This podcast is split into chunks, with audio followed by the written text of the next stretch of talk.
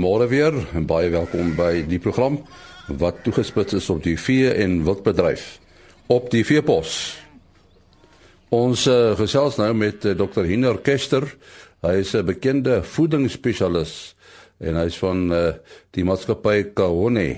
En ons praat met hom oor uh, uh, as 'n mens nou vee voer, doen 'n mens dit uit die aard van die saak uh, vir hoër wins Maar die eeue oue vraag is natuurlik wat is te veel en wat is te min? En uh, hinder ons moet miskien begin met die vraag watter faktore speel 'n rol uh, in die klassifisering van 'n kudde se se voedingsstatus as ons nou praat van optimale voedingsstatus.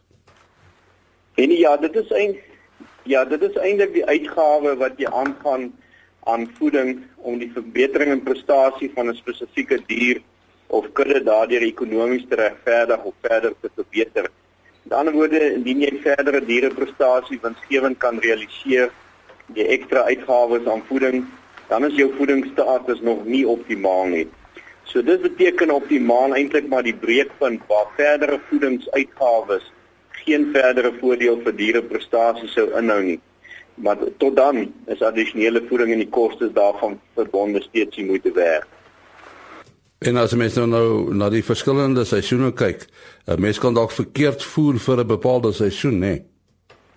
Ja, kyk, lekker name is nie noodwendig 'n funksie van seisoene nie, maar eerder 'n funksie van onder andere die die konsentrasie van voedingsstowwe in die lek en die hoeveelheid van elke voedingsstof wat benodig sou word, dan ook die kwaliteit van refoer of veiding op enige gegeewe stadium uh, uh wat geoffer word as hoofvoer dan ook die diereprestasie wat jy wil bereik en dan laastens ook die produksiestatus of stadium van die dier op enige gegee tydperk.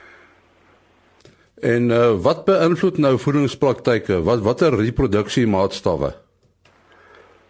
Onhoofsaaklik is dit uh, kalfpresentasie en tussenkalfperiode wat nogal sterk deur die dier se kondisietelling en na voedingsstatus op kritieke stadiums van haar verskillende reproduksiefases gedryf word.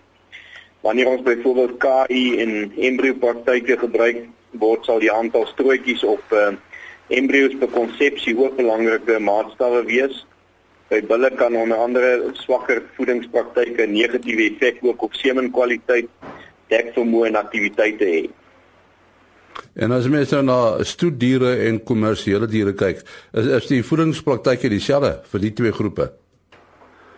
Maar dit kan dikwels dieselfde wees, uh, maar gewoonlik sal studiere aan hoër voedingspraktyke onderwerp word en die hoofredes is maar daarvoor is maar prestasie vereistes van studiere is verskillend en hoër weens hulle genetiese medewaardigheid teenoor kommersiële diere.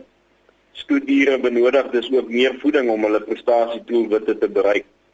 Uh verder is die vereiste prestasie inligting wat van studiere verkry moet word onder meer intensiewe voedingstoestande belangrik wat weer eens verskil van kommersiële diere waar die doelwitte anders is. En dan ander verskille met punte en doelwitte geld verder ook vir studiere teenoor kommersiële diere wat voedingspraktyke tussen hulle ook anders te maak. Maar mens moet egter dan terselfdertyd ook beklemtoon dat addisionele voeding ook bekostig kan word by studiere aangesien hul waarde en inkomste daai aansienlik hoër is. Nou hinder jy daar aan die begin van lekker gepraat. Hoe kan 'n mens lekker gebruik as jy nou meer wins wil maak? Wel, dit kan eerstens help om uh, goedkoper refood uh, bronne en weidings uh, wat mense op die plaas het beter te benut en meer waarde daai te kry as wat mense as sonder sou kry.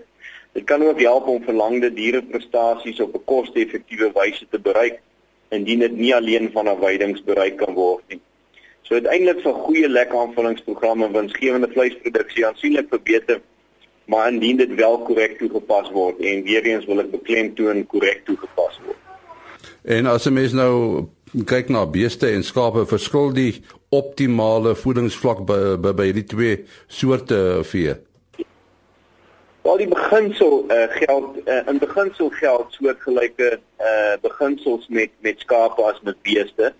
Maar skape is net gewoonlik op 'n hoër produksiestatus en benodig daarom meer lekker aanvulling as beeste op enige gegee stadium.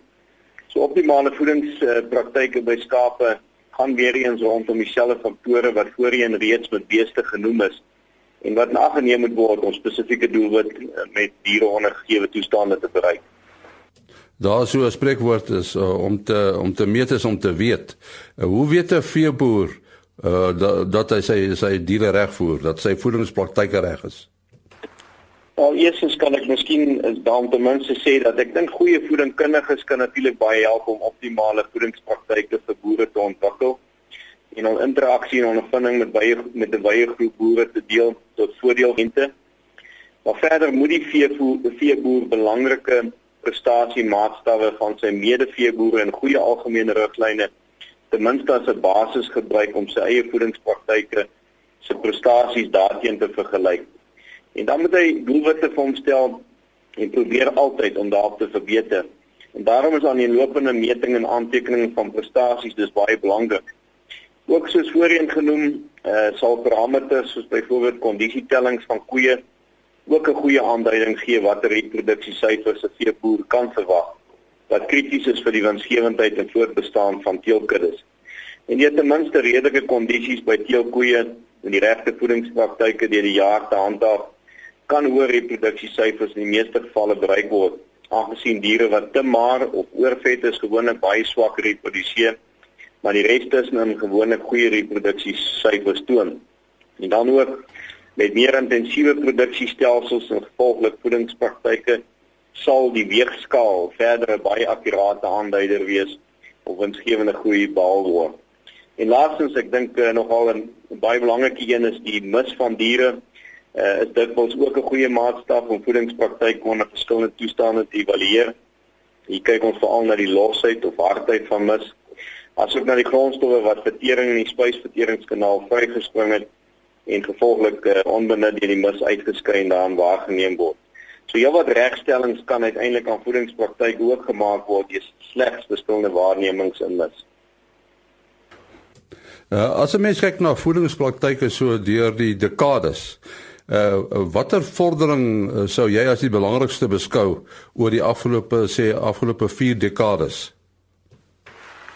Ja, ek dink uh, daar's natuurlik jou wat 'n uh, 'n uh, uh, navorsing oor die laaste uh uh 20 30 jaar kom met die tegnologie wat ons het uh um uh, is, is daar jou wat nuwe navorsing. En ek dink die grootste uh, uitdagings wat ons het is met ook met die genetiese vordering wat wat plaasvind om die hele tyd tred daarmee te hou en en seker te maak dat ons die bronne die beperkte bronne wat ons het um wel optimaal benut en uh, natuurlik ook uh, uh seker te maak dat ons die kostes wat wat natuurlik baie meer uh uh tans die of die marges winsmarges tussen uh uh tussen die verskillende diere en klasse van diere is is is, is baie belangrik dat uh dat dit uh gee vir ons baie meer uitdagings. En ek dink daar's heelwat vordering gemaak om seker te maak dat ons baie beter verfynde voedingsprogramme gebruik. En ons het byvoorbeeld veevoermodelle waar waar ons bepaal uiteindelik of formuleer op grond van uh, die laagste koste per eenheid produk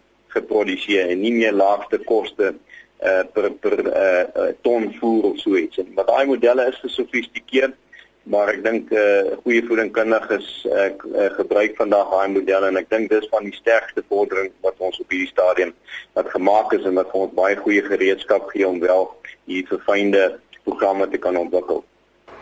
Dit lyk my in baie gevalle uh moet 'n mens deesdae as jy van 'n veeboer praat, dan praat jy ook van 'n wildboer. Wat voeding betref, open dit heeltemal 'n ander dimensie, né? Nee? Ja, nee, nee, uh uh beslis, uh, sonder twyfel uh uh dit is die 70% van van die koste van enige boer se bedryf en uh um as 'n mens nie daar afsit akkuraat en en wetenskaplik werk nie, um van jou winsgewendheid definitief nie daar wees nie. Jy was in 'n pas in Zimbabwe. Hoe gaan dit met die veeboere daar? Ag ek dink dit gaan nog redelik uh, daar so ek dink daar's 'n uh, redelike positiwiteit nog uh, onder die boere. Hulle maak redelike planne, uh, werk redelik saam. Uh, hulle is natuurlik baie honger vir inligting. En ek dink uh, dit is as 'n mens daar kom en mense kan hierdie tipe inligting ook met hulle deel wat nie altyd vir hulle uh, beskikbaar is nie. Is die mense geweldig ontvanklik en wil hulle dit ook onmiddellik toepas. So ons werk op hierdie stadium baie nou saam met hulle om hierdie tipe van tegnologie in te kry. dis definitief uh, hulle hulle neem dit on, onmiddellik aan en en en pas dit toe en ons het geweldige resultate wat ons uh, op die stadium daar sien. Ons het byvoorbeeld een van die beste kuddes uh tans uh suiwelkuddes uh in Zimbabwe gehelp om nou met dieselfde koeie uh 35000 liter meer per maand te gee. Uh so en met met met 'n baie hoër winsgewendheid ook terselfdertyd. Al het die kostes 'n bietjie opgegaan, maar net deur hierdie verfynde modelle en so te gebruik, uh kan 'n mens dit in enige omstandighede, nie net in Zimbabwe maar in ander Afrika lande ook toepas en die mense is wel baie ontvanklik daarvoor. Nou gebruik die ouens in Zimbabwe ook TMR. Uh ja, hulle het hulle het uh, baie goeie meng mengstelsels Hulle het natuurlik nie altyd so die uh, grondstowwe uh, beskikbaar wat ons hier het nie. Hulle grondstowwe is heelwat duurder uh, ook daar en soos ek sê nie altyd alles verkrygbaar nie, maar dis waar ons uh, tegnologies gevorderde grondstowwe uit Suid-Afrika ook daar by hulle probeer uitkry en en natuurlik op die manier hulle hulle prestasies te verbeter. Maar maar verder om die TGR te, te maak en op dieselfde vlak as in Suid-Afrika um, is is is beslis vir hulle uh, moontlik. Uh so jy voorsien groter samewerking uh tussen die veekundiges hier in Suid-Afrika en die boere in Zimbabwe. Ja, nie net Zimbabwe, ons werk baie nou saam ook met lande soos Zambië, Kenia, Tansanië en so so ek dink uh, uh daar's geweldige geleenthede vir ons om daar te gaan waarde toevoeg en en en beslis. So ek sê die mense is baie ontvanklik veral as hulle sien die waarde wat Suid-Afrikaanse voedingkundiges kan toepas daar. Ons sê baie dankie aan dokter Hiner Kester. Hy is die hoofuitvoerende beampte van die maatskappy Kaone. En daarmee ook die einde van vanoggend se aflewering van op die Veepos. Môreoggend om 4 voor 5 is ons terug. Tot dan, mooi loop. Ah.